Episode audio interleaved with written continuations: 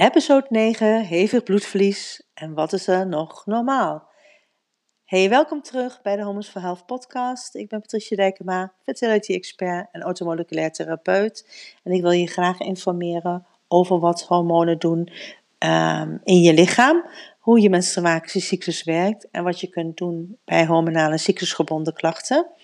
Als je wilt weten hoe je eigen hormonen kunt inzetten voor een gezond en gelukkig leven, nu en in de toekomst, luister dan verder naar deze podcast. Deze podcast is gesponsord door Daisy Nederland. Daisy is een cycluscomputer met een algoritme dat meer met een nauwkeurigheid van meer dan 99% aangeeft wanneer je vruchtbare en onvruchtbare dagen zijn. Cycluscomputers bestaan al meer dan 30 jaar. Het is geen medicatie, uh, geen bijwerkingen en puur je eigen cyclus, natuurlijke cyclus volgen met behoud van vruchtbaarheid en uh, vrouwgezondheid op de korte en de lange termijn. En wil je meer weten over Daisy, ga dan naar de website daisynederland.com en lees wat Daisy voor jou kan betekenen.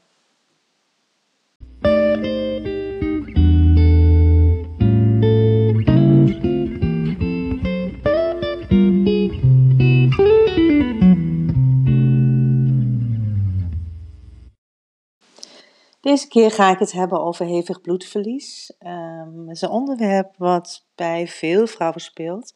Een op de vier vrouwen heeft namelijk maandelijks veel stress over hoe de hoeveelheid bloedverlies op te vangen en er ook nog eens leuk uit te zien. Want als je nagaat dat één op de vier vrouwen met dit probleem iedere maand eh, de kampen heeft, dan gaat het om zoveel vrouwen, zoveel dames overal. Kijk uh, om je heen. En um, dat voornamelijk dat stress hebben over hoe vang je dan al het bloedverlies wat je hebt op. Um, hoe ga je daarmee om? Um, hoe, hoe, hoe, regel je agenda? Hoe plan je afspraken in? alles uh, in je leven. Uh, is het te doen om op die dagen te gaan sporten? Kun je uh, hoe doe je dat met vakanties? Hoe doe je dat met activiteiten? Zo dus, het, het is iets wat veel vrouwen hun hele leven uh, tot aan de overgang, tot de fase van dat ze niet menstrueren, beheerst. Hè? Dat je dus uh, rekening moet houden van, hé, hey, hoe gaat het eigenlijk lopen? 25% van ons, één op de vier vrouwen. Dus uh, vandaar dat ik dit ook een ehm, belangrijk onderwerp vind om uit te leggen van wanneer is iets hevig bloedverlies. Want als je alleen al kijkt naar hevig bloedverlies, ja, dan vraag je je direct af, wat is dan hevig bloedverlies? Hoeveel bloedverlies moet je dan hebben? Wanneer valt het onder hevig en wanneer is het normaal? Of wanneer is het bijvoorbeeld best wel weinig? Het zijn de vrouwen die weinig menstruatiebloed hebben. Dat kan. Dus uh, daar gaan we naar kijken. Ik uh, kom met informatie wat ik heb uitgezocht. Ik ben nu sinds kort um, teamlid van het Menstruatievoorlichtingsinstituut. en dat is een instituut wat zich in Nederland en ook daarbuiten bezighoudt met informatie geven over de menstruatie. Issues die daaromheen een factor spelen, maar ook over het taboe. Hè? En ook Hè, je hebt misschien die uitzending gezien bij Umberto Tan met de menstruatiesimulator, waarbij Umberto uh, plakkers op zijn buik had en gedurende een paar minuten ging voelen wat het is als je menstruatiekrampen hebt. Zie, dat zijn dingen, uh, een soort van bewustzijn. Uh, we moeten ons bewust zijn, en mannen hebben dat totaal niet, hè. hebben echt geen idee. Ik bedoel, ik zeg wel, als mannen zouden menstrueren, zouden we heel eenzaam en alleen ergens op de wereld rondzwerven. Want er kwamen er uh, uh, beslist ook geen kinderen. Want dat, uh, ja, bevallen is dan nog, nog een stapje verder. zouden ze daar ooit wel aan beginnen. Maar menstruatie iedere maand, jeetje zegt, dat wordt nog wat. Ik weet niet of ze dan, dan nog zo blij zijn. in ieder geval, als je toen zag hoe Umberto daarop reageerde. En onze ervaring is dat uh, dat echt behoorlijke impact heeft. En mannen zich dan eigenlijk bewust gaan beseffen van, jeetje, is dit wat je iedere maand hebt? Is dit normaal, weet je? Nou, ik ga het niet specifiek nu over de pijn, de pijnbeleving bij de menstruatie hebben, maar meer dus over dat hevig bloedverlies. En um, ik moet erbij zeggen, alles wat ik hier deel, uh, bespreek je ook uiteraard met je arts als je dit aangaat. Dat is de eerste stap die je doet. Ik geef hier geen medisch advies. Ik geef hier geen medische uh, toestanden. De, ik ben geen dokter. Maar wat ik heel belangrijk vind, is dat ik je wel informatie geef waar jij weer verder mee kunt. En ook weer goed bij je arts uh, voor de dag kunt komen. En daadwerkelijk ook goed gesprek kunnen. Dat hij ook precies uh, weet hoe hij jou moet begeleiden. En dat je ook kunt aangeven nou, hoe het werkelijk met je gesteld is. Hè? Want we hebben gezien in aflevering episode 8 uh, eh, over hoe vrouwen serieus genomen worden. Ja, um, uh, daar kunnen we ook natuurlijk zelf wel een part in spelen. Hè? Van als je zorgt dat je de goede informatie hebt waarmee je met de cijfers en de feiten als het ware komt, dan sta je veel sterker. Uh, want mannen, mannen, die zijn gericht op cijfers. Ja, hoeveel dan? En wat is dan veel en wat is dan weinig? Uh, hè? Dus um, daar moeten we mee dealen. Dat, wij moeten ze het ze met de cijfers en feiten bewust maken. Dat ze ons gaan begrijpen. Uh, Oké, wanneer spreek je nou over uh, normaal bloedverlies tijdens de menstruatie? Menstruatiebloed is helder rood, heeft de kleur van rode wijn. En het moet dus vloeibaar zijn, zonder grote klonters of stolsels. Een normale menstruatie duurt ongeveer 3 tot 4 dagen. En start vaak met een paar dagen meer bloedverlies, wat vervolgens ook weer afneemt tot het helemaal voorbij is. Dus um, je spreekt ook pas van de eerste dag van je menstruatie op het moment dat je um, die helder rood bloedverlies doorkomt. Sommige vrouwen hebben wat bruin bloedverlies vooraf en ook aan de, dat kan ook zijn aan de laatste dagen van de menstruatie, er komt nog wat na. Dat bruine, dat hele lichte, dat is ook vloe, echt uh, waterig. Uh, dat is een beetje soms met van die stukjes erin, uh, alsof het korstjes zijn, zo ook donker van kleur. Dat is spotting. Dat is dus niet je menstruatiebloed, want nogmaals, de heldere rode kleur is heel kenmerkend en dat komt dus door als een vloed, vloed van uh, bloedverlies. Wat inderdaad die eerste dagen, dan verlies je al het meeste van je bloed, uh, van je menstruatiebloed. En uh, gebruik je dan ook die eerste dagen gebruik je uh, maandverband, tampons of bijvoorbeeld een menstruatiecup. Mijn advies is om bij menstruatie of maandverband en uh, tampons te kijken naar biologisch katoenmateriaal. Er zijn gelukkig inmiddels uh, diverse leveranciers op de markt die verantwoord biologisch katoen, maandverband en tampons leveren. Veelal uh, kun je dat materiaal kopen in de biologische winkels of bijvoorbeeld online. En waarom zeg ik dat? Omdat de gangbare merken van tampons en maandverband dus uh, uh, materiaal gebruiken wat verwerkt moet worden, uiteraard in een fabriek. En uh, ik weet niet precies welke stoffen daarin zitten, maar ik heb mijn twijfels daarbij van wat daar gebruikt wordt. Want um, het, uh, hè, je ziet ook de reclamespotjes op de tv, maandverband, super absorberend, uh, randjes zus zo. En het mag ook weer niet doorlekken, dus er wordt een plastic dingetje onder gedaan. Uh, lijm, uh, absorberend. Dus er moet iets in zitten waardoor het zo dun mogelijk kan zijn. Hè, want je wil niet een hele dikke lap in je onderbroek dragen.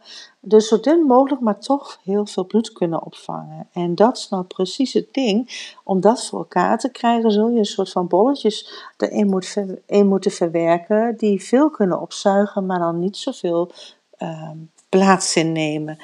En ook, ze werken ook met mogelijk stoffen of uh, processen waarbij de geur van het menstruatiebloed in feite gecamoufleerd wordt.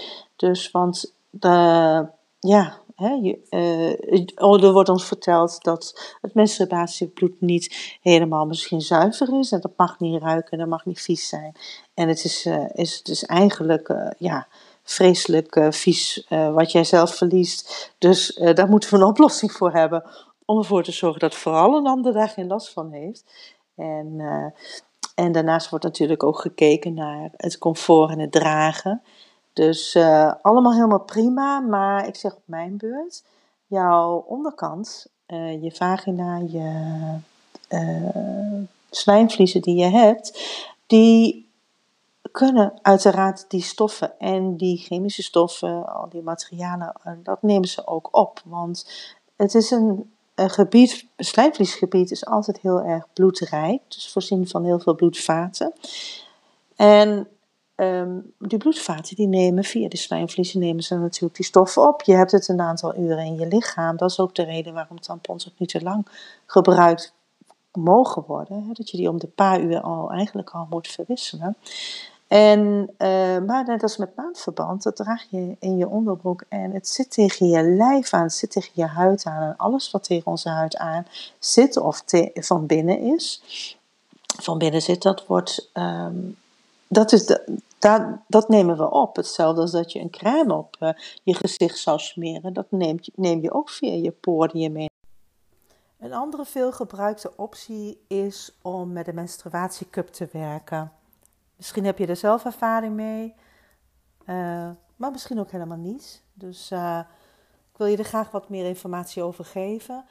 Een menstruatiecup is um, in de meeste gevallen gemaakt van materiaal zonder latex, PVC of weekmakende plastics.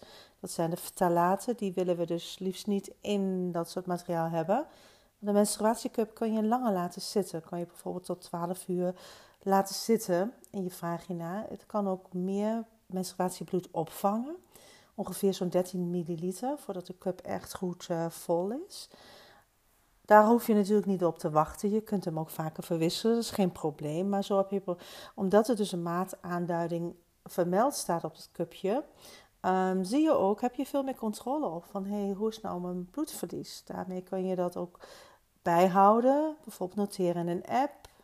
Als je met de Daisy werkt, dan kan je in de app iedere dag een notitie toevoegen. Dus op die manier ook um, je menstruatie bloedverlies bijhouden. En Um, zo'n zo'n cup, zo'n menstruatiecup, is zacht van materiaal. Het is een duurzaam product en moet ook zeker scheurbestendig zijn. We jullie niet dit risico lopen dat het de plekken scheurt en je nog helemaal uh, vol komt te zitten. Um, meestal gaan ze 1 tot 5 jaar mee, maar soms zelfs 10 jaar. Ik geloof dat ik in mijn uh, carrière, zo te zeggen, um, twee menstruatiecups heb gehad en uh, gebruikt. Op een gegeven moment gaan ze ook wat verkleuren. Zeker ook als je tegen de menopauze aanloopt, wordt je bloed over het algemeen wat donkerder van kleur. Dus die van mij die ging wat verkleuren. Maar uh, ja, ik zie, en, en, zoals op de daisynederland.com website in de shop, hebben we nu hele mooie cups staan. Die hebben een pink kleurtje beetje fuchsia-achtig van kleur. Dus dat uh, materiaal vind ik ook oké. Het is uh, vegan gekeurd. Het heeft het vegan keurmerk. Het is gegarandeerd van goed materiaal gemaakt. En je kunt die dus uh, bestellen. Dezenederland.com. Kijk maar eens in de shop. Ze zijn in de maat van S, M of L. En dat heeft alles te maken met jouw leeftijd. Of je een vaginale bevalling hebt gehad, dus uh, geboorte. En of je een lichte of gemiddelde of een zware menstruatie hebt. Heb jij, ben je bijvoorbeeld boven de 25 jaar? Of uh, heb je, uh, en heb je daarbij ook ooit een bevalling gehad, een vaginale bevalling? Met me zware menstruaties nu, dan is het zeker aan te raden om de L te nemen. Maar ben je onder de 25 en heb je geen bevalling gehad en een gemiddelde menstruatie, dan verstaat een maat M. En voor de jongere dames onder de 18 is de maat S. Dat heeft alles te maken dat toch de bovenkant, de ring, als het ware de, de bovenrand van de cup, is in diameter dus wat smaller. hoe jonger en hoe ouder en zeker na een bevalling. Um, want dan heeft, uh, heeft de vagina een maximale uh, expansie gehad om de geboorte, het hoofdje van de baby erdoor te kunnen laten. Zo dus, dat heeft, maakt allemaal een verschil. En niet dat dat vervelend is of, of na, maar dan heb je echt die L nodig. Ja. De, um, bij deze cup zit ook een klein steeltje aan. Want ik heb ook wel gehoord in al die jaren, want ik verkoop al ontzettend lang menstruatiecups. Ik denk dat ik wel een van de eerste in Nederland was die daarmee op de markt kwam. Toen in de tijd heb ik ze ja, geïmporteerd en kon ik ze dus hier verkopen. En er, zitten, er zijn er die hebben een steeltje, soms vrij lang steeltje. Dus dat kan een beetje lastig zijn, want zo'n steeltje, want dat komt uit, steekt uit. En dat kan voor jou persoonlijk net iets te lang zijn. En deze, die uh, hebben dus een heel klein steeltje. En die is ook makkelijker te pakken, omdat als je weer gaat verwisselen, of althans gaat legen van je cup, dat je het makkelijk weer kunt uh, verwijderen. En dat is inderdaad het inbrengen en het verwijderen van zo'n cup. Dat is even een trucje. Dat moet je letterlijk in je vingers hebben om dat te kunnen doen. Zo'n menstruatiecup zit ook laag in de vagina. Dus denk niet dat je dat helemaal hoog in moet plaatsen. Dat is echt niet nodig. Moet je niet aan beginnen. Um, het is er juist voor gemaakt om met het onderste deel sluitend af te sluiten, zodat je ook makkelijk erbij kunt en legen. Je, als er een kraantje in de buurt is, spoel je hem bijvoorbeeld even af. Uh, maar is dat niet zo, dan kun je met wat toiletpapier je cup weer schoonmaken, even droog maken en opnieuw inplaatsen dus. Zo gaat dat jaar in jaar uit mee. Is je menstruatie voorbij, zorg ervoor dat je de cup goed met heet water schoonspoelt. Ik gebruik daar een uh, niet allergisch, uh, of niet allergeen, of hoe heet het ook alweer, zeep die niet bijtend of prikkend is. Gewoon zachte zeep kan ook eventueel. Um, maar spoel na de zeep altijd goed met heet water na. Eigenlijk is dat hete water het meest belangrijke. En voornamelijk even goed drogen. Je kunt hem even op zijn kop uh, uh, neerzetten op een tissue en met een schone theedoek droog maken. En vervolgens dus in het bijgeleverde zakje, want er zit zo'n zo'n zakje bij, zo'n katoenen zakje, waar die in kan. Zo heb je hem altijd bij je in je handtas uh, of handbagage. En wanneer het nodig is, gebruik je weer. Dus uh, dat is een hele mooie manier om door je menstruatie heen te gaan. Uh, te kunnen doen wat jij kunt doen en toch zeker en veilig te zijn van dat het goed zit. Check altijd of de rand aan de binnenkant goed uitgeklapt is, dat het goed tegen de binnenkant, de ring, de bovenkant van de cup goed aansluit. Hè? Want anders, logisch, dan loopt het toch wat langs. Dus dat is even ook uh, een controlecheck voor jezelf. Ben je niet helemaal zeker en zit je nog even wat te worstelen mee? Uh, breng hem opnieuw in. Oefen, oefen dat een paar keer. Ik weet zeker na de eerste menstruatie wil je niet anders meer. En ben je hartstikke blij dat je dit uh, product hebt aangeschaft. want het gaat erom, het moet iets van elastisch materiaal zijn uh, dat mee kan be bewegen, als het ware, met de bewegingen die jouw lichaam maakt. daar is het voor bedoeld, maar dan altijd nog op de plek blijft en voldoende goed kan opvangen wat het moet doen. Het verschil met een uh, tampon is dat een tampon in de vagina dus ook langs de rand zit en precies op die plek het vocht ook van je slijmvlies kan opnemen. Dat gebeurt niet met een menstruatiecup. Want er kan nooit door die wand heen vocht, dus eigenlijk hè, slijmvliesvocht, van jouw vagina opgenomen worden. Dus het enige wat je opvangt is wat van bovenaf uit de baarmoedermond naar beneden zakt in je vagina. Dat komt in die cup.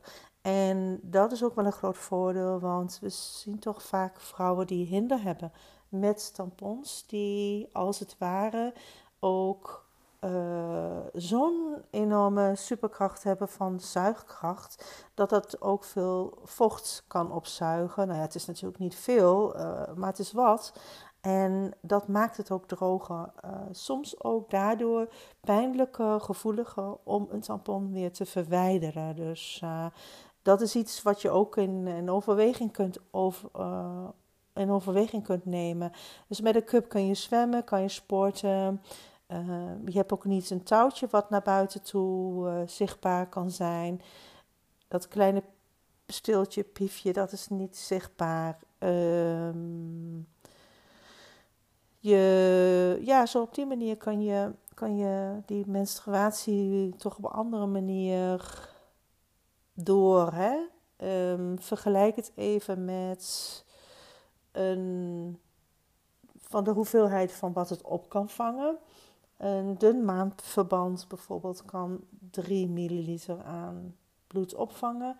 Een medium maandverband of tampon doet 5 milliliter. En een superdik maandverband of een supertampon kan 10 milliliter opvangen.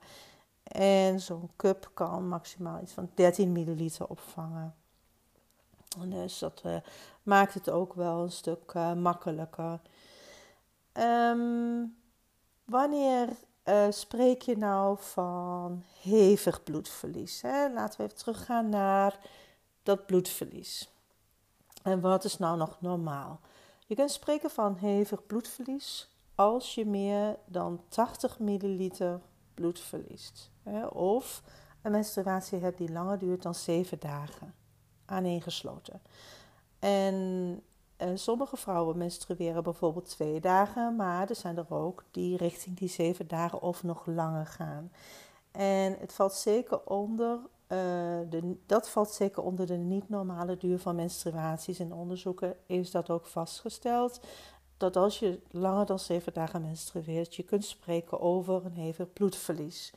En daarbij uh, kan je dan vanuit gaan dat je ook meer dan 80 milliliter bloedverlies hebt. En um, die 80 milliliter is ongeveer te vergelijken met 16 volledig geabsorbeerde tampons. Dus in al die dagen bij elkaar. Of 8 supertampons. En je kunt het voor je cup kan je dat ook uitrekenen. Dus stel dat dat per keer ongeveer 10 milliliter dan zou je opvangen. Nou, acht keer dat je zou wisselen, dan spreek je onder uh, toch nog binnen de richtlijnen van een menstruatiebloed. Ga je daar overheen, verlies je veel meer, dan kun je spreken over hevig bloedverlies. Dus dat is ook uh, goed om te weten van wanneer is nou wel hevig bloedverlies en wanneer is nou niet. Ja? Um, maar dan zou je zeggen van, nou, uh, ik teken ervoor, want ik zou wel veel minder bloedverlies willen hebben. Ik wil al die toestand niet, weet je, het is zo on ongemakkelijk. Um, maar wat betekent dat dan? Stel nou dat je bijvoorbeeld minder dan 25 milliliter bloedverlies hebt, um, dan is het toch ook belangrijk om dat met je arts of je gezondheidsprofessional te bespreken. Want kijk, een, um, de hoeveelheid bloedverlies heeft ook te, zegt ook iets over hoe jouw lichaam in staat is om middels het aanmaken van je eigen hormonen ervoor te zorgen dat de baarmoeder slijmvlies, dus aan de binnenkant, uh, uh, wel of niet goed kan aangroeien en dikker wordt als het ware. Uh, kijk, ik ga even terug zo, hoe zit nou zo'n cyclus in elkaar, de menstruatiecyclus?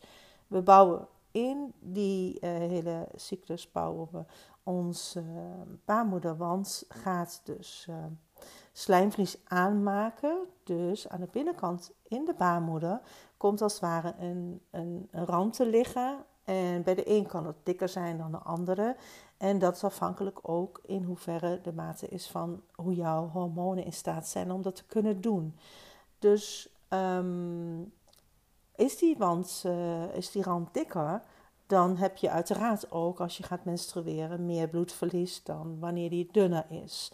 Want na vanand als jouw progesteron gaat dalen, de aanmaak helemaal uh, voltooid is als het ware van dat, uh, van die wand, van die rand, dan ben je daarmee klaar. Maar je progesteron gaat dalen en dan komt er een menstruatie door. Dus afhankelijk ook van hoe jij in staat bent voldoende progesteron aan te maken en je eigen oestrogeen.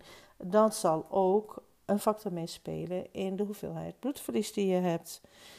En heel goed om te weten is dat wanneer je bijvoorbeeld een anticonceptiepil hebt uh, of uh, uh, een hormoonspiraal of een koperspiraal of een implanon, pleisters, denk aan prikpil, Nuvaring, um, dan heb je nooit een natuurlijke cyclus en die middelen voorkomen uiteraard dat je um, weinig tot geen baarmoederdikte aanmaakt, dus de slijmvlies niet aanmaakt. Hè? Maar ze voorkomen ook natuurlijk ook uh, je ovulaties. Dus dan ben je niet in staat om die, um, die wand aan te maken. Nou, dat, dan spreek je dus over een niet-natuurlijke cyclus. Meestal geen ovulaties en dus ook geen menstruaties. Ik heb dus een hele grote verwarring namelijk. Want als je aan deze producten zit, dan heb je geen menstruaties. Je spreekt pas over menstruaties als je een natuurlijke cyclus hebt en gewoon dus je uh, baarmoederslijf dus weer kunt afstoten. Ja, dus um, het berekenen en het, uh, het optellen van je, uh, van je menstruatiebloed tijdens, of althans je onttrekkingsbloed tijdens een anticonceptie, is niet een graadmeter om te weten hoeveel bloedverlies je hebt. Altijd belangrijk natuurlijk als je een natuurlijke cyclus hebt en je twijfelt eraan of dat nou veel bloedverlies is of niet, om dan ook echt met getallen te kunnen komen. Daarom zei ik ook al van, uh, hou het een beetje zo bij.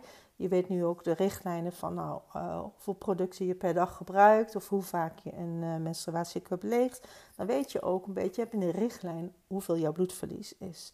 Heel belangrijk, want dat kun je, dan kun je cijfers presenteren naar je arts. Ook kun je het in, je, in een app bijhouden. En als je kijkt naar de app van de Daisy, als je bijvoorbeeld een Daisy gebruikt en dus ook je temperatuur bijhoudt, kun je ook per dag kun je in de app kan je een uh, notitie bijhouden, kan je de hoeveelheid van je bloedverlies noteren en zo op die manier um, presenteren aan de gezondheidsprofessional, de arts die jou helpt daarmee um, als het gaat om hevig bloedverlies. Want dan blijft het zo'n vaag iets van, ja, ik heb heel veel bloedverlies. Ja, maar hoeveel is dan hoeveel? Hè? En hoeveel dagen? Um, vaak word je, krijg je al meer inzicht om het gewoon ook bij te houden. Dan, dan zegt dat veel meer over hoe het daadwerkelijk is. En ja, dat, dat, dat helpt je enorm om ook voor jezelf op te komen en bij een professional aan te kloppen en serieus genomen te worden. Laten we eens kijken hoe nou die hevig bloedverlies kan ontstaan. Um, in de meeste gevallen gaat het om een hormonale disbalans met een te hoog aan oestrogeen en een tekort aan progesteron. En uh, wat je daaraan kunt doen is allereerst al door voeding en leefstijl, hè, minder stress, minder toestand. Dat alleen al kan al helpen om die disbalans te uh, minder groot te maken. Voeding dus een belangrijke rol, want door voeding kunnen we oestrogeendominantie creëren. En wanneer dat een factor speelt in ons lichaam, dan maken we automatisch veel minder progesteron van onszelf aan. Dus dat verstoort als het ware onze, onze cyclus, onze hele pils.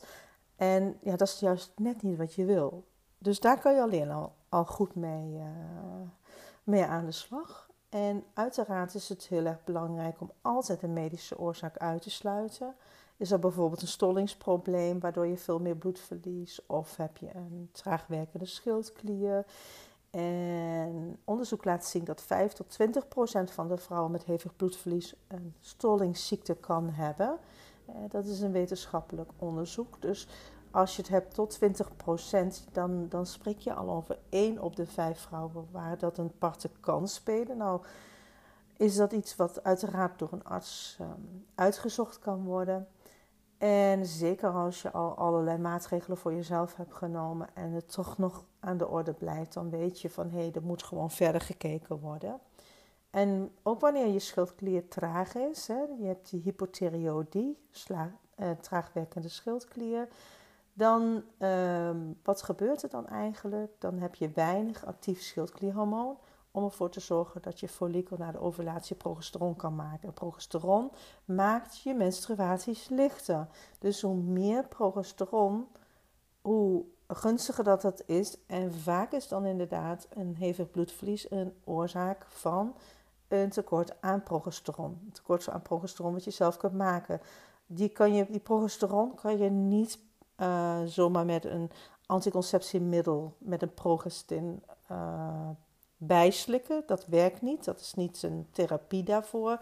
Nee, je zult dan je eigen, uh, en zeker de ovulatie en de weg daar naartoe en, en ook daarna het aanmaken van het progesteron moeten gaan stimuleren. Want dat helpt je daadwerkelijk ook om binnen een paar cycli, uh, laat zeggen drie tot zes maanden, te zorgen dat er ook verandering komt in jouw bloedverlies. En dat is waar je aan moet werken. Want het werkt ook zo dat als je dat nu mee start, dat dat niet direct de volgende cyclus mogelijk al resultaten geeft. Nee, want alles in je cyclus is al nu al bezig zich verder te ontwikkelen voor over een paar maanden uh, zichtbaar te zijn. Dus je werkt altijd met een paar maanden extra, moet je denken uh, problemen zijn dus niet even zo met een knip uh, op te lossen. En uh, om je schildklier dus goed te laten beoordelen, en zeker als, dat, als daar de verdenking naartoe is, ga dan een uitgebreid bloedonderzoek doen voor je schildklier. En dat gaat erom dat je meer waarden laat testen als alleen een TSH-waarde. En TSH zegt iets over hoe je aansturing vanuit het hoofd naar de schildklier werkt. Dus die waarde geeft dat aan. Maar je wilt uiteraard ook weten hoe je schildklier het zelf doet. Of die in staat is om van de T4 T3 te maken, het actieve schildklierhormoon. Dus daar komen veel meer waarden nog bij. En, uh, dus het is, het is altijd uh, een pluiswerkje, maar um, als dat aan de orde is, dan levert je dat zeker heel veel informatie op om daar met een goed uh, getrainde professional mee aan de slag te gaan endometriose of adenomiose uitsluiten. Hè. Um, adenomiose, dat is wanneer er dus endometriose in het glad spierweefsel zit. Bij endometriose komt weefsel dat lijkt op baarmoederslijmvlies van buiten de baarmoeder uh, uh, voor buiten de baarmoeder. Dus het is eenzelfde weefsel uh, maar dan niet alleen in de baarmoeder, maar er ook weer buiten. Dus je kunt je voorstellen dat als jij je menstruatie hebt, dat ook dat weefsel gaat meereageren. En dat geeft ook uh, veel heftige pijnklachten tijdens de menstruatie. Daarnaast moet ook uiteraard uitgesloten worden of de polypen of een vleesboom parten speelt. En ben je nog jong? Um, tieners kunnen soms hevige menstruaties hebben. Ben je onder de 20 en menstrueer je heftig, dan is het um, uh, uiteraard niet verstandig om daarvoor aan de anticonceptiepil te gaan. Integendeel juist, uh, de pil blokkeert volledig het nog niet volgroeide HPAG-as. Dat is onze stressas, onze communicatieroute van, uh, tussen het hoofd en je eierstokken. Dus de, de H staat voor de hypothalamus. De P staat voor het Engels voor uh, de hypofyse. De A staat voor de bijnieren, vertaald uit het Engels. En de gonaden. De G staat voor de gonaden. Dat wil zeggen je eierstokken. Dus wat is er aan de hand? Iedereen van ons heeft een communicatieroute van de hersenen naar de eierstokken en weer terug. Een communicatieroute dat aangeeft wat er nodig is aan stoffen. Daar moet een uh, balans in zitten. Daar ben je de eerste jaren dat je, vanaf dat je gaat menstrueren, ben je dus aan het oefenen. Dat is jouw lichaam en die uh, organen zijn met elkaar in communicatie. En die communicatie die verloopt nog niet altijd even goed.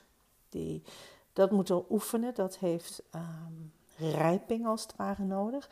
En uh, dat geeft dus in de tienerjaren uh, onregelmatigheid in je cyclus. Het kan soms langer duren, kan soms korter zijn. En het kan ook wel eens zijn dat de ene keer je menstruatie daardoor lichter is en de andere keer dat het heftiger kan zijn. Dat is dus in feite heel normaal.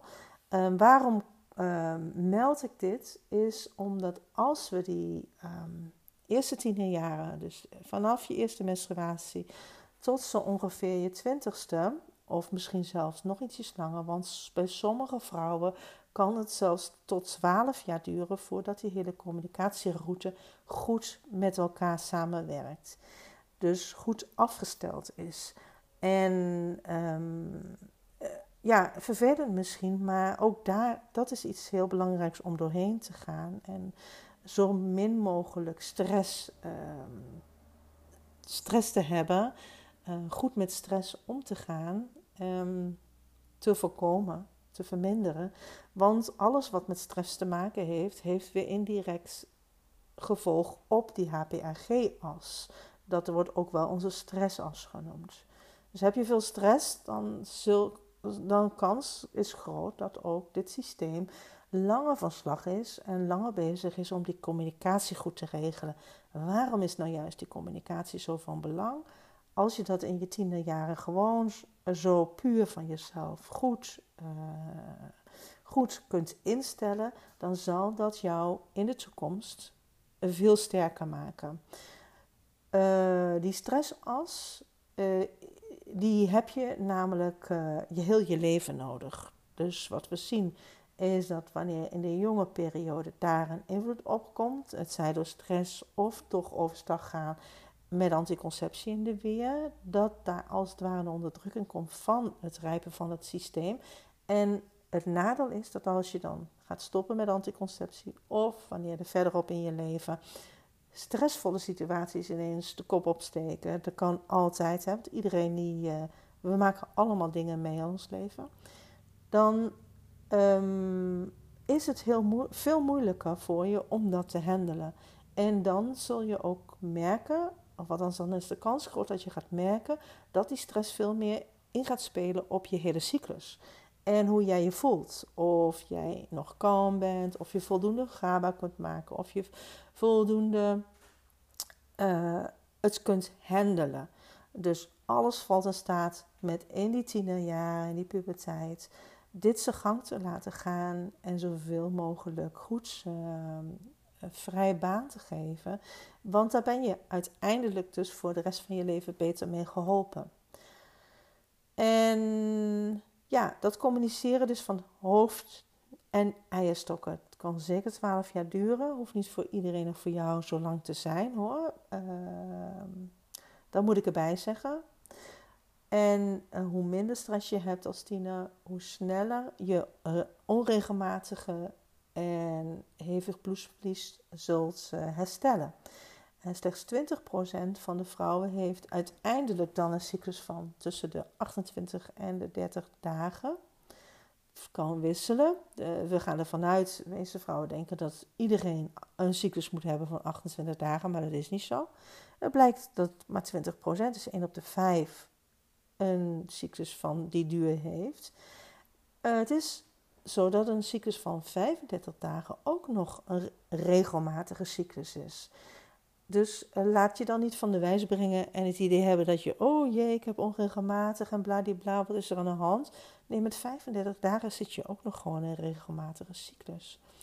En ovulaties en dus menstruaties kunnen onregelmatig zijn, omdat je in het begin nog onvoldoende progesteron zelf kunt maken. Dat is ook een reden wat dus in de tienerjaren meespeelt. Je snapt dat als je communicatieroute nog niet helemaal goed op elkaar is afgestemd, dat je misschien nog ovulaties overslaat of het langer duurt voordat die ovulatie komt en daardoor je dus ook langer moet wachten tot je menstruatie doorkomt, omdat je onvoldoende progesteron maakt. Zie, alles heeft een reden. Je moet zo zien dat ons lichaam is zo'n vernuftig systeem. Ook wanneer je ziet dat er dingen als het ware nog niet helemaal volgens spookje juist gaan. Vaak ligt er dan een reden onder. En het is beter om die reden aan te pakken dan om alles volledig te dempen en te onderdrukken. En dat je jezelf volledig al in een overgangssituatie stuurt, waarbij geen ovulaties meer zijn, geen progesteronproductie. En nou ja, dan, dan uh, zit je uiteraard met die situatie al op je jonge leeftijd, terwijl je daar pas tegen de tijd dat je 50 bent aan toe bent. Dus stress onderdrukt, eh, we weten stress onderdrukt die cyclus. En uh, dat maakt het ook lastiger voor hormonen om in balans te komen. Uh, stress neemt ook veel meer vitamine en mineralen van jouw lichaam af. De, juist die vitamine en mineralen die je nodig hebt om goed die hormonen te kunnen maken. En die hormonen en het ondervangen van dat vele bloedverlies. Daar spelen ook vitamine en mineralen een factor. Een tekort kan dus al uh, kan je dus al helemaal onderuit halen. En denk daarbij bijvoorbeeld al aan ijzer, want als je veel bloedverlies hebt, dan gaat uiteraard ook je ijzerniveau naar beneden. Dus kijk daar ook even goed naar. Ik uh, ga nooit wachten tot dames rond de 6 zitten met hun HB. Want bij 6 kun je al zo lam en beroerd voelen. Ga al voor die tijd al beginnen met ijzer, een goede opneembare ijzer, toe te voegen aan uh, je dagelijkse patroon.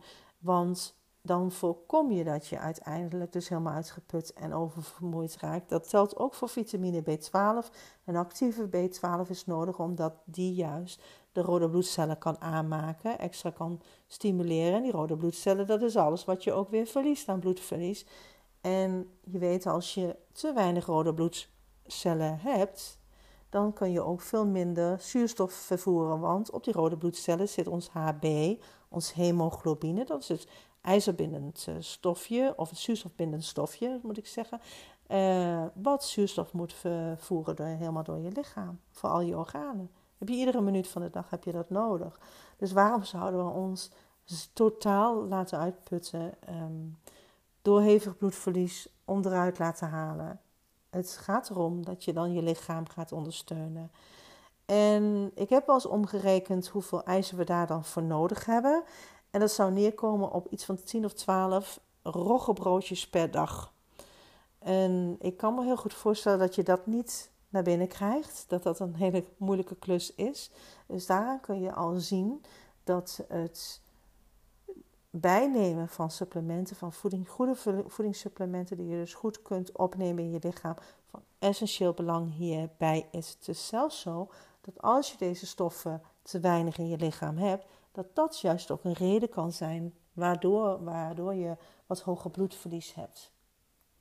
Ja. Nou, dat is allemaal heel wat. Hè? Uh, eens even kijken.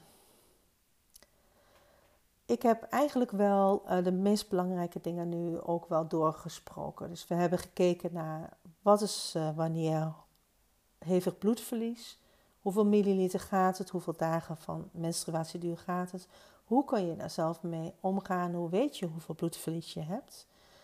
En als je daar dan mee uh, zit, hoe je aan de slag kunt. Uiteraard ben ik ook bereikbaar om je daar met jou het verder uit te pluizen en je erbij te ondersteunen. Dat is mijn vak. Dus op de website patriciadijkema.nl schrijf je daarover informatie. En daar kun je ook een afspraak maken voor een consult. Anderzijds, um, wat ik al aangaf, eh, ben ik uh, zorgprofessional bij het Menstruatievoorlichtingsinstituut. En wij, zijn daar, wij werken daar met een team. We werken daar met een team aan zorgprofessionals gespecialiseerd op dit vakgebied. En waar je ook zit, waar je ook uh, woont, overal in de buurt bij jou zijn er mensen die je kunnen helpen. Dus trek aan de bel, neem contact op en zorg dat je iets doet met je problemen. Oké. Nou, dan zijn we aan het eind gekomen van uh, deze uitzending. Ik wil je danken voor het luisteren naar deze episode van de Homos for Health podcast. Abonneer je op ons kanaal in iTunes, Google Podcast of Spotify. En geef het ook door aan je vriendinnen, collega's, zussen en wij waarderen het erg als je ons een sterren review geeft in de iTunes. Dat maakt dat deze uitzending ook beter zichtbaar wordt en voor meer mensen beschikbaar. Tot ziens, tot de volgende keer. En ik wens je een hele fijne dag. Bye bye.